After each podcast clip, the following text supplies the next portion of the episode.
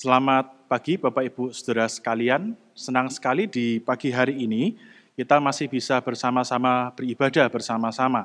Meskipun kita tidak bisa beribadah di dalam satu lokasi yang sama, tapi saya percaya bahwa itu tidak menghalangi Tuhan bekerja dan juga menjumpai setiap kita secara pribadi.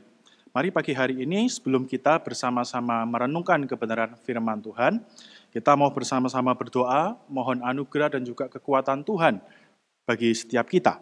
Mari kita berdoa. Bapak di surga kami bersyukur untuk pagi ini, Tuhan memberi kami kesempatan, kami boleh bersama-sama memuji, memuliakan Tuhan, bahkan kembali bersama-sama merenungkan kebenaran firman Tuhan. Tuhan tolong setiap kami di dalam pemberitaan firman ini, baik hambamu yang menyampaikan, maupun juga setiap kami yang mendengar di mana pun kami berada. Kiranya pemberitaan firman ini boleh menjadi kesempatan, kami boleh kembali mengalami perjumpaan dengan Engkau. Bahkan kami berdoa supaya pemberitaan firman ini boleh sungguh-sungguh membawa kemuliaan bagi nama Tuhan. Menyerahkan waktu ini ke dalam tangan Tuhan, pimpin setiap kami. Di dalam nama Tuhan Yesus kami berdoa dan bersyukur. Amin. Bapak Ibu Saudara sekalian berbicara mengenai kenaikan Kristus ke surga, tentu tidak bisa dipisahkan dari kedatangannya yang kedua kali. Gereja sejak semula Bapak Ibu percaya bahwa Kristus yang naik ke surga itu dan yang sekarang bertahta di sebelah kanan Allah Bapa adalah Kristus yang sama yang nantinya akan kembali ke dunia untuk menghakimi dunia dan juga untuk merestorasi keadaan dunia. Dunia yang rusak ini akan dibuat lebih indah dari sebelumnya. Nah Bapak Ibu, kalau Bapak Ibu membaca perjanjian baru, Bapak Ibu akan menemukan bahwa ide ini, pemikiran ini, bisa ditemukan di dalam banyak bagian perjanjian baru. Misalnya Bapak Ibu di dalam kisah Rasul pasal yang pertama, ayat yang ke-9 sampai yang ke-11, ketika Tuhan Yesus naik ke surga, tiba-tiba ada dua malaikat yang berkata kepada para murid bahwa Yesus yang naik ke surga itu suatu hari akan kembali ke bumi dengan cara yang sama. Kemudian di dalam 1 Tesalonika 4, di sana ketika Paulus bicara soal orang-orang yang meninggal, dia juga menyinggung bahwa nanti akan ada waktunya Kristus akan datang kembali di awan-awan. Kemudian di dalam 1 Korintus 16 ayat yang ke-22, di sana Paulus itu menggemakan pengakuan iman Kristen mula-mula. Maranatha, Tuhan, datanglah. Bahkan kalau kita baca di dalam 2 Petrus pasal yang ketiga misalnya, di sana Bapak Ibu Petrus itu panjang lebar membahas, memberikan jawaban kepada orang-orang yang mempertanyakan apakah Tuhan itu sungguh-sungguh akan datang kedua kali. Nah Bapak Ibu intinya di dalam perjanjian baru kita bisa menemukan bahwa ternyata kedatangan Kristus, kenaikan dan kedatangan Kristus kedua kali merupakan hal yang penting bagi gereja mula-mula.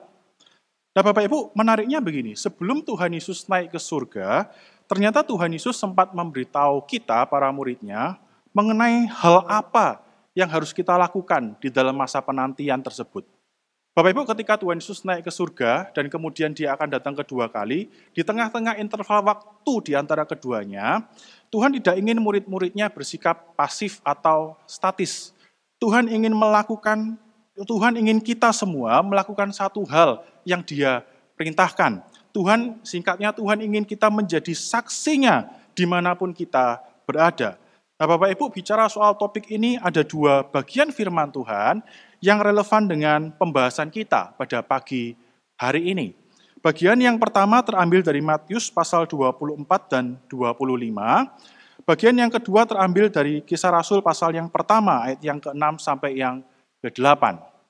Saya akan membacakan untuk Bapak Ibu Saudara sekalian bagian yang pertama. Tentu saja kita tidak akan membaca Matius 24 dan 25 secara keseluruhan. Saya hanya akan membacakan Matius pasal 25 ayat yang ke-20 sampai 23. Begini bunyi firman Tuhan. Hamba yang menerima lima talenta itu datang dan ia membawa laba lima talenta. Katanya, Tuan, lima talenta Tuhan percayakan kepadaku Lihat, aku telah beroleh laba lima talenta. Maka kata tuannya itu kepadanya, baik sekali perbuatanmu itu, hai hambaku yang baik dan setia. Engkau telah setia dalam perkara kecil, aku akan memberikan kepadamu tanggung jawab dalam perkara yang besar. Masuklah dan turutlah dalam kebahagiaan Tuanmu. Lalu datanglah hamba yang menerima dua talenta itu, kata Katanya, Tuan, dua talenta Tuan percayakan kepadaku. Lihat, aku telah beroleh laba dua talenta. Maka kata tuannya itu kepadanya, baik sekali perbuatanmu itu, hai hambaku yang baik dan setia. Engkau telah setia memikul tanggung jawab dalam perkara yang kecil. Aku akan memberikan kepadamu tanggung jawab dalam perkara yang besar. Masuklah dan turutlah dalam kebahagiaan Tuanmu. Bagian yang kedua terambil dari kisah Rasul pasal yang pertama, ayat yang ke-6 sampai yang ke-8.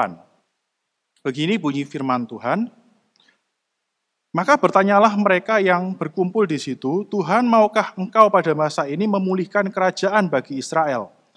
Jawabnya, engkau tidak perlu mengetahui masa dan waktu yang ditetapkan Bapa sendiri menurut kuasanya. Tetapi kamu akan menerima kuasa kalau roh kudus turun ke atas kamu, dan kamu akan menjadi saksiku di Yerusalem dan di seluruh Yudea dan Samaria dan sampai ke ujung bumi. Amin.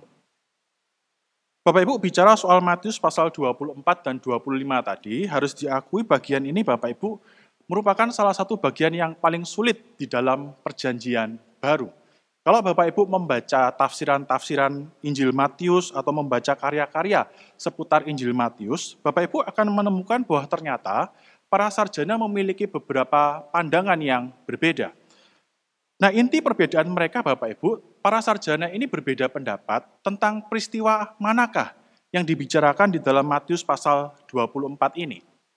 Ada sebagian sarjana perjanjian baru yang berpikir begini, Matius 24 ini bicara soal peristiwa yang akan terjadi di akhir zaman. Bicara soal peristiwa-peristiwa yang akan mendahului kedatangan Tuhan kedua kali. Nah, di sisi lain Bapak Ibu ada beberapa sarjana perjanjian baru yang berpikir bahwa peristiwa ini bukan bicara soal perjanji, kedatangan Tuhan yang kedua kali. Peristiwa ini Bapak Ibu bicara soal kehancuran bait Allah, bicara soal kejatuhan Yerusalem yang terjadi pada tahun 70 Masehi. Ada lagi Bapak Ibu yang berpikir begini, oh mungkin peristiwa ini bicara soal kejatuhan Yerusalem, tetapi maknanya itu juga bisa diterapkan untuk akhir zaman. Ada bermacam-macam pandangan Bapak Ibu. Nah Bapak Ibu di tengah perbedaan interpretasi tersebut, saya pribadi setuju dengan pandangan seorang sarjana yang bernama Tan Kim Huat. Ada dua alasan kenapa saya setuju dengan pemikiran tokoh ini. Yang pertama karena menurut saya penjelasan Tan Kim Huat itu lebih sesuai dengan konteks dari teks ini. Yang kedua kenapa saya setuju karena dia dulu adalah dosen pembimbing saya. Jadi saya harus setuju dengan dosen saya begitu ya. Nah, Bapak Ibu, singkatnya begini. Di dalam bagian ini Bapak Ibu, Tuhan Yesus itu bicara soal dua peristiwa. Peristiwa yang pertama yang Tuhan bicarakan itu memang bicara soal kejatuhan Yerusalem atau lebih tepatnya kehancuran bait suci. Kalau Bapak Ibu baca di dalam Matius pasal yang ke-24 tadi, di bagian awal, ayat yang pertama, kemudian ayat yang kedua dan yang ketiga, Bapak Ibu akan menemukan begini, bahwa waktu itu para murid dan Tuhan Yesus berjalan di sekitar bait Allah. Menurut Lukas dan Markus, ketika mereka sedang berjalan, para murid ini mengagumi keindahan bait Allah. Nah, di saat mereka mengagumi keindahan bait Allah, Tuhan bilang begini, akan ada waktunya bait Allah ini akan dihancurkan. Bahkan sedemikian hancurnya Tuhan katakan tidak akan ada satu batu yang terletak di atas batu yang lain. Nah murid-murid ini kemudian jadi kepo Bapak Ibu begitu ya. Mereka bertanya kepada Tuhan Yesus, Tuhan kapan itu akan terjadi? Sehingga begini Bapak Ibu, Matius pasal 24 di bagian awalnya itu harus dilihat terkait dengan pertanyaan para murid mengenai kehancuran bait Allah. Jadi peristiwa yang pertama yang dibicarakan di sini Bapak Ibu soal kehancuran bait Allah. Peristiwa yang kedua yang dibicarakan Tuhan Yesus di sini Bapak Ibu itu soal kedatangannya yang kedua kali. Nah, dua peristiwa ini Bapak Ibu memang memiliki kaitan. Kalau Bapak Ibu baca di dalam bahasa aslinya, Tuhan itu sebenarnya menggunakan gambaran perempuan yang mau melahirkan gitu ya. Peristiwa yang pertama, kehancuran bait Allah itu menjadi awal mula yang menunjukkan bahwa peristiwa yang kedua ini nanti akan semakin mendekat gitu ya. Jadi seibarat perempuan yang mau melahirkan, kejatuhan bait Allah itu menjadi sakit yang mula-mula, sakit yang pertama, dan nanti ada interval waktu yang kita tidak tahu berapa lama, sampai nanti peristiwa yang kedua, kelahiran bayinya atau kedatangan Tuhan yang kedua kali, itu terjadi. Jadi Tuhan singkatnya bicara soal dua peristiwa. kejatuhan Yerusalem, kehancuran bait Allah, dan kedatangan Tuhan yang kedua kali. Di antara dua peristiwa ini, Bapak Ibu, ada sebuah interval waktu yang lama yang kita tidak pernah tahu berapa panjangnya. Nah, tetapi Bapak Ibu di dalam Matius pasal 24 ini sebenarnya yang menjadi penekanan Tuhan begini. Tuhan ingin menunjukkan kepada kita bahwa ternyata dua peristiwa ini memiliki perbedaan. Apa perbedaannya? Perbedaannya begini Bapak Ibu. Kalau peristiwa yang pertama itu bisa diketahui, ada tanda-tandanya. Bapak Ibu, tanda-tanda yang Tuhan bicarakan di dalam Matius 24 yang bicara soal gempa dan sebagainya, peperangan, kelaparan, itu bicara secara khusus mengenai tanda-tanda kehancuran bait Allah, kejatuhan Yerusalem. Nah, Tuhan katakan peristiwa yang pertama kehancuran bait Allah itu bisa diperkirakan kapan terjadinya. Karena ada peristiwa-peristiwa yang mendahului.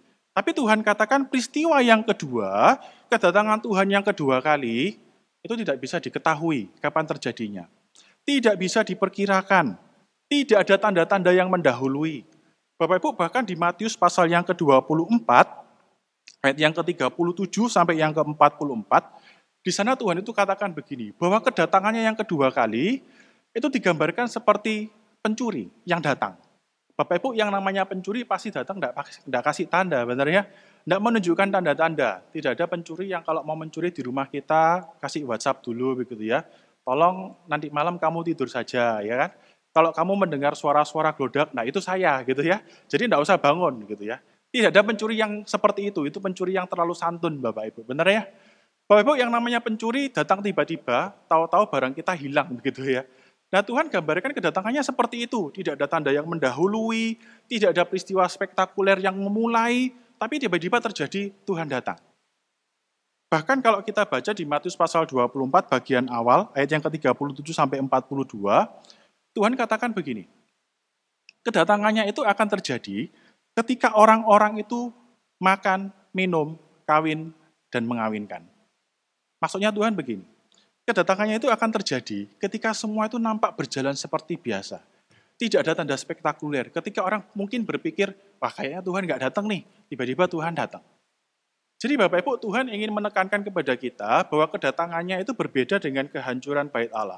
Kalau kehancuran bait Allah bisa diperkirakan, ada peristiwa yang mendahului, tapi kedatangan Tuhan yang kedua kali, tidak ada yang tahu. Tiba-tiba terjadi seperti pencuri, bahkan terjadi di waktu yang kita tidak pernah duga. Nah Bapak Ibu menyikapi ketidaktahuan kita mengenai kapan Tuhan datang, Tuhan tidak mengajar kita untuk begini. Coba kamu hitung-hitung ya, kira-kira kapan saya akan datang. Tuhan tidak mengajar kita menghitung tanggal kedatangannya. Tuhan juga tidak mengajar kita Bapak Ibu untuk melihat tanda-tanda zaman. Tuhan tidak bilang begini, nanti kalau ada lembu lahir warnanya merah, nah itu mungkin Tuhan mau datang gitu ya. Atau kalau misalnya ada ikan, ada tulisan nama Stefanus begitu ya. Nah itu mungkin tanda Tuhan mau datang. Tuhan tidak pernah bicara seperti itu Bapak Ibu. Yang Tuhan ajarkan begini, respon terbaik dalam ketidaktahuan kita kapan Tuhan akan datang, itu cuma satu, berjaga-jaga. Kalau Bapak Ibu baca, Tuhan berulang kali mengatakan berjaga-jaga, berjaga-jaga, berjaga-jaga.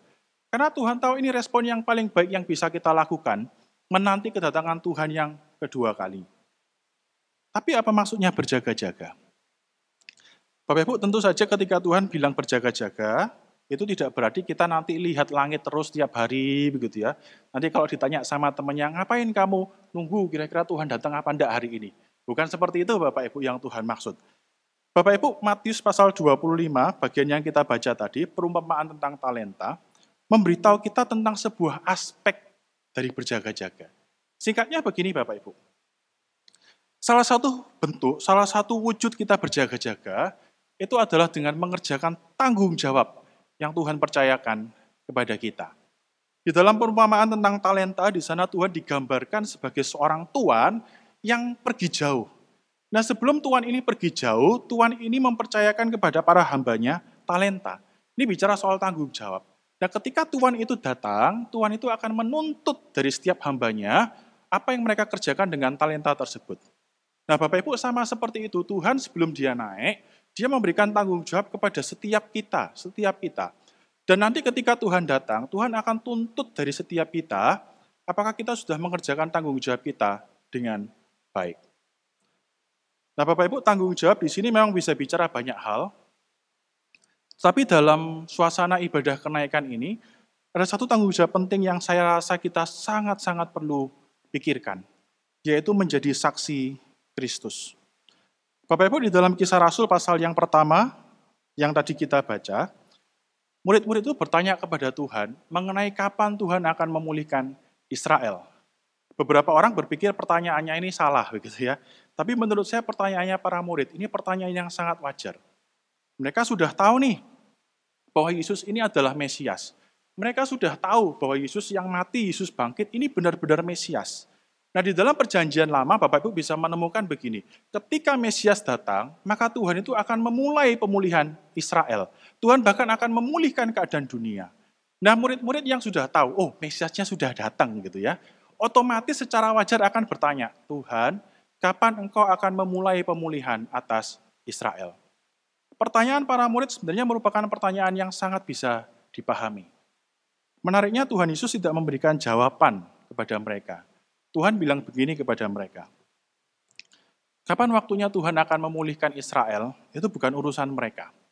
Mereka tidak perlu pusing kapan Tuhan akan memulai restorasi atas Israel, bahkan atas seluruh dunia. Yang harus mereka pusingkan, yang harus mereka pikirkan, dan mereka harus kerjakan, Tuhan katakan cuma satu, menjadi saksinya Tuhan. Bapak Ibu, saksi di sini itu bicara soal orang yang sudah melihat peristiwa dan menceritakan peristiwa itu kepada orang lain. Sehingga kita bisa pahami begini, ketika Tuhan bicara soal menjadi saksinya Yesus, maka Tuhan itu menginginkan para muridnya itu begini, menceritakan tentang siapa sih Yesus itu, dan apa yang sudah dia lakukan untuk dunia ini. Nah Bapak Ibu bahkan kalau dibaca dalam terang kenaikan Tuhan ke surga, Tuhan itu seolah berkata begini kepada para muridnya. Sebentar lagi, aku akan naik ke surga.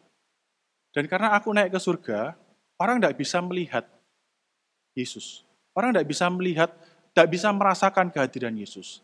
Nah, di tengah ketidakbisaan orang melihat dan merasakan kehadiran Yesus, nah Tuhan menuntut kita para muridnya untuk menunjukkan Yesus yang tidak terlihat itu kepada dunia. Dengan kata lain, Bapak Ibu menjadi saksi itu berarti begini, menunjukkan Yesus yang tidak terlihat itu kepada dunia. Lewat apa? Lewat perkataanmu, lewat perbuatanmu, lewat kasihmu. Bapak Ibu, nasihat ini menjadi saksi ini menurut saya sangat perlu kita pikirkan. Khususnya di tengah-tengah situasi pandemi yang kita hadapi saat ini. Bapak Ibu, kita semua tahu dalam beberapa bulan terakhir kita semua bergumul dengan sebuah wabah yang terjadi secara global, yaitu wabah COVID-19. Kita semua bergumul dan harus diakui bahwa wabah ini benar-benar mengubah keadaan dunia. Wabah ini menggoncang kestabilan ekonomi, kestabilan sosial, mengubah banyak hal dari dunia. Nah Bapak Ibu, apa yang saya amati di tengah-tengah wabah ini, ternyata ada orang-orang Kristen yang memunculkan sikap-sikap yang menurut saya tidak tepat begitu ya.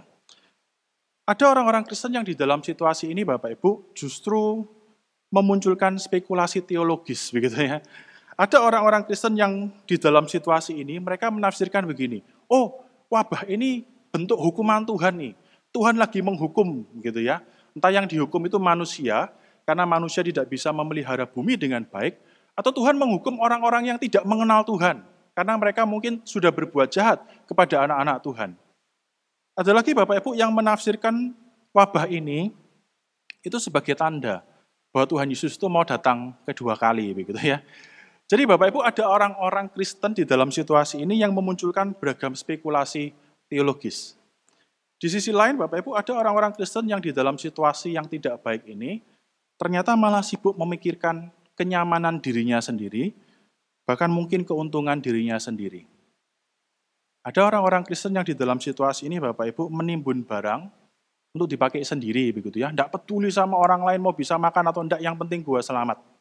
Ada lagi orang-orang Kristen di dalam situasi ini yang menimbun barang, setelah ditimbun dijual lagi dengan harga yang lebih mahal. Bapak Ibu, menurut saya itu bukan sikap seorang saksi Kristus. Kita harus ingat di dalam situasi ini, kita ini saksinya. Tugas utama kita yang Tuhan ingin kerjakan itu menghadirkan Kristus kepada dunia, Bapak Ibu. Karena itu Bapak Ibu di dalam situasi pandemi ini seharusnya kita jangan Bukan waktunya kita menghadirkan spekulasi teologis, juga bukan waktunya kita berpikir, cuman berpikir tentang diri kita sendiri. Bapak Ibu, ketimbang memunculkan spekulasi teologis, ketimbang mencari kesempatan dalam kesempitan, yang harusnya kita pikirkan hari ini, kita ini harus berpikir dengan keras. Bagaimana caranya menghadirkan Kristus itu loh, kepada orang-orang di sekeliling kita. Pikirkan bagaimana kita ini menggunakan apa yang Allah percayakan kepada kita, untuk menghadirkan Yesus kepada dunia. Pikirkan Bapak Ibu bagaimana Yesus yang tidak terlihat itu bisa dilihat melalui kita, di dalam kita, melalui perkataan kita, perbuatan kita, dan juga kasih kita. Bapak Ibu, beberapa waktu yang lalu ada seorang sarjana yang menurut saya sangat sangat baik begitu ya. Dia sarjana di sebuah sekolah di Amerika. Dia ingatkan begini, namanya David De Silva. Dia katakan begini Bapak Ibu, pada masa awal perkembangannya, kalau Bapak Ibu baca, ternyata kekristenan itu sebenarnya juga dilihat sebagai sebuah virus. Kalau Bapak Ibu baca tulisan-tulisan seorang beberapa pemimpin Roma, abad yang kedua khususnya, Bapak Ibu akan menemukan bahwa ternyata mereka itu melihat kekristenan sebagai sebuah virus. Misalnya Bapak Ibu bisa baca tulisan seorang yang namanya Tacitus atau Pliny muda, Pliny the Younger, yang hidup kira-kira tahun 110-an. Nah mereka itu menggambarkan kekristenan sebagai sebuah wabah yang harus ditumpas, yang harus dimusnahkan. Mereka bilang wabah ini dimulai di Yerusalem dengan Yesus itu sebagai sumber utama virusnya begitu ya dalam tanda kutip. Nah virus ini berusaha ditumpas, tapi ternyata tidak bisa. Bahkan kita semua tahu hingga hari ini virus ini sudah menyebar ke mana-mana. Kekristenan menyebar ke mana-mana. Nah David de Silva kemudian ingatkan kita begini, mungkin di tengah wabah ini kita perlu mengingat kembali panggilan kita sebagai dalam tanda kutip sebagai virus. Bedanya begini Bapak Ibu. Bila di dalam wabah ini corona itu menyebarkan penyakit, menyebarkan kematian, menyebarkan ketakutan, maka kita sebagai pembawa-pembawa virus Kristus itu dalam tanda kutip, kita harusnya berlomba menularkan kasih, menularkan kebaikan Allah seluas-luasnya. Sama seperti yang sudah dilakukan oleh para pendahulu kita di masa lalu. Bapak Ibu percayalah wabah yang kita hadapi ini bukan wabah yang pertama dihadapi oleh umat manusia. Bahkan kalau kita mau jujur, jumlah korban yang ditelan oleh wabah ini tidak sebanyak atau belum sebanyak korban yang ditelan oleh wabah-wabah yang terjadi sebelumnya. Nah Bapak Ibu, sekitar abad ketiga sempat terjadi sebuah wabah di wilayah kekuasaan Roma, sekitar tahun 250 sampai tahun 260, Wabah ini sedemikian besar Bapak Ibu, sehingga menurut catatan sejarah, wabah ini membunuh hampir 60 persen penduduk yang ada di Alexandria, di Mesir. Bahkan bukan hanya itu Bapak Ibu, di kota Roma sendiri, di kota Roma sendiri, sempat terjadi angka kematian itu mencapai 5.000 orang tiap harinya. Jadi wabahnya itu benar-benar sangat besar. Nah apa yang menarik perhatian saya itu bukan wabahnya. Apa yang menarik perhatian saya catatan Eusebius, seorang sejarawan gereja abad keempat, mengenai hal-hal yang dilakukan oleh orang Kristen pada wabah itu di bawah kepemimpinan seorang yang bernama Dionysius. Saya bacakan begini Bapak Ibu. Ini yang ditulis oleh Eusebius. Sebagian besar saudara dan saudari kita, orang-orang Kristen itu, tidak putus-putusnya dalam kasih dan kebaikan mereka. Mereka bergandeng tangan satu sama lain dan mengunjungi orang sakit tanpa rasa takut. Mereka merawat orang-orang sakit itu dengan konstan dan melayani mereka di dalam Kristus. Dan banyak saudara-saudari itu, orang-orang Kristen itu maksudnya, mati bersama mereka, maksudnya orang-orang yang sakit itu, dengan sangat gembira. Mereka menanggung bersama penderitaan orang lain dan mendatangkan penyakit dari orang lain ke diri mereka sendiri dengan rela menerima rasa sakit mereka. Banyak di antara orang-orang Kristen itu yang merawat orang-orang yang sakit dan memberi kekuatan pada orang lain, akhirnya mati. Tapi mereka memeluk kematian mereka sendiri sebagai harga untuk menunjukkan cinta, untuk menunjukkan kasih. Bentuk kematian ini melalui kesalehan yang besar dan juga keyakinan yang kuat yang ditunjukkannya, nampaknya sama sekali tidak kalah dengan kemartiran. Mereka mengambil tubuh orang-orang kudus di tangan mereka yang terbuka dan di dada mereka, mereka membawa pergi tubuh orang-orang itu di pundak mereka dan meletakkannya, mempersiapkan tubuh mereka dengan pemandian dan pakaian. Dan segera setelahnya mereka yang telah menguburkan keluarga mereka di dalam Kristus menerima penguburan diri mereka sendiri. Tapi tidak demikian di antara orang-orang non-Kristen ini yang dicatat oleh Yusubius. Mereka meninggalkan orang-orang yang mulai sakit dan mengasingkan teman-teman yang mereka kasihi. Mereka membuang kerabat mereka ke jalan ketika mereka hanya setengah mati. Dan mereka meninggalkan orang mati tanpa dikubur, sama seperti sampah.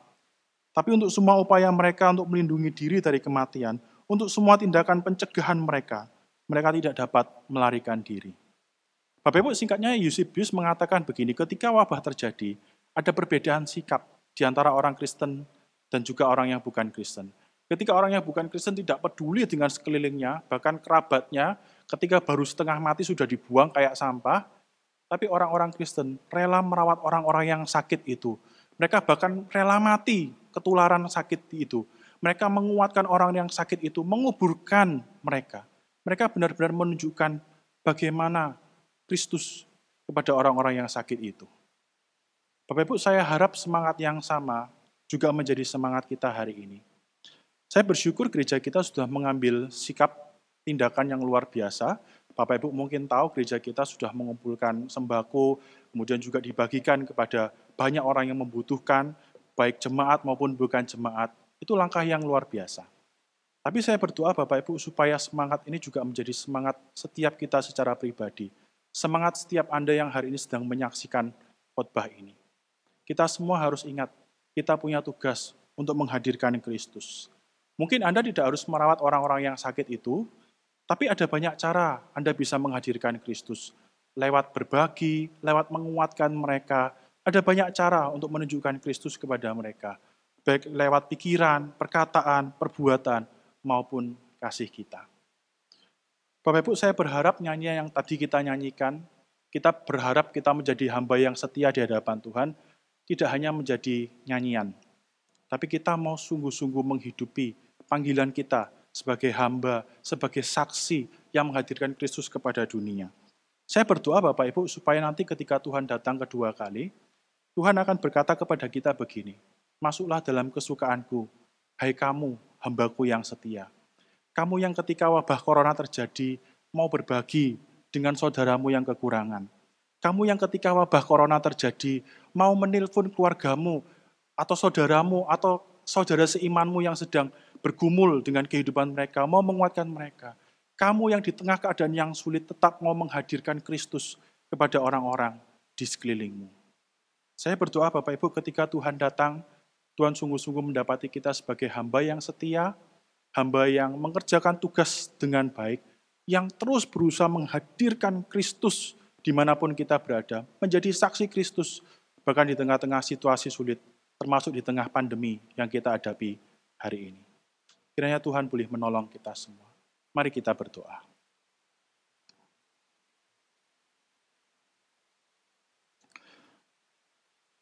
Tuhan kami berdoa supaya kebenaran firman yang kami dengar tidak berlalu begitu saja, tapi sungguh-sungguh mengubah hati dan hidup kami. Kami sadar bahwa situasi yang kami hadapi sulit bagi semua orang, tapi tolong setiap kami supaya di dalam masa ini kami tetap kreatif. Kami memikirkan berbagai macam cara agar hidup kami yang ringkih, hidup kami yang kecil ini boleh menghadirkan Kristus kepada dunia hambamu berhenti berbicara, tapi roh kudus kiranya terus bekerja di dalam hidup, di dalam diri setiap kami, dan memampukan kami menjadi pelaku-pelaku kebenaran firman Tuhan. Terpuji namamu ya Bapa, dengar doa kami, di dalam nama Tuhan Yesus kami berdoa dan bersyukur. Amin. Tuhan memberkati.